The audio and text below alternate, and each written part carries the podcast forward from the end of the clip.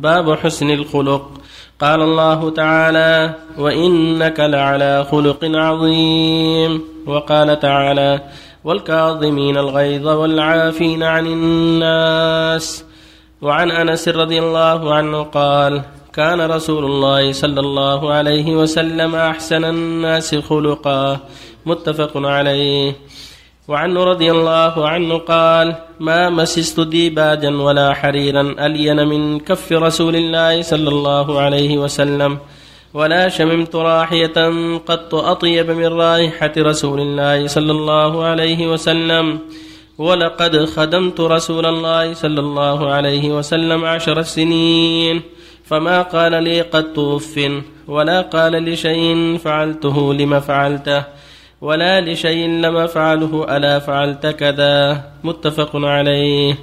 وعن الصعب بن جثامة رضي الله عنه قال أهديت رسول الله صلى الله عليه وسلم حمارا وحشيا فرده علي.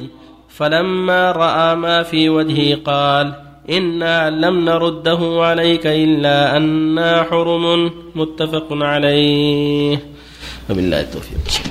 بسم الله الرحمن الرحيم. الحمد لله وصلى الله وسلم على رسول الله وعلى آله وأصحابه ومن اهتدى بهداه. أما بعد فهذه الآيات والأحاديث فيها الحث على إحسان الخلق وطلاقة الوجه وطيب الكلام مع المسلمين ومع الأقارب ومع الأهل.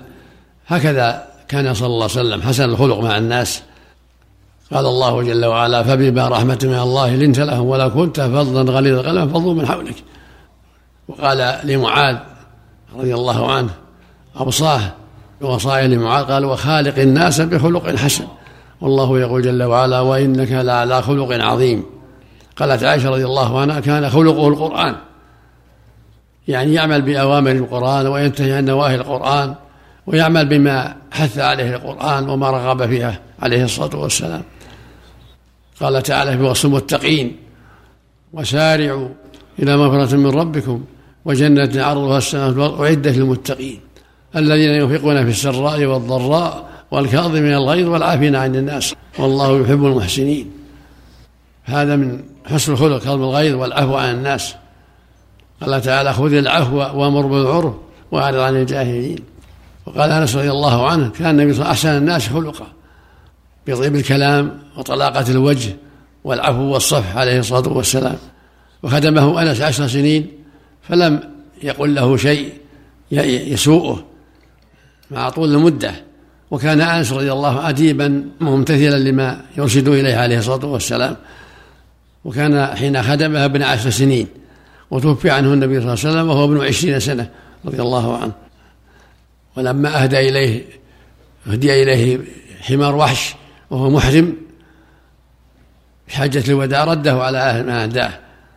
فلما رأى ما في وجهه من التغير قال إنا لم نرده عليك إلا أن حرم.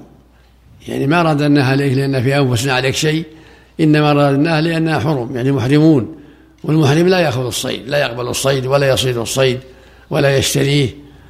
فبين له صلى الله عليه وسلم أنه رده للعذر الشرعي حتى لا يجد في نفسه ويحسب أنه رد عليه لأمر آخر.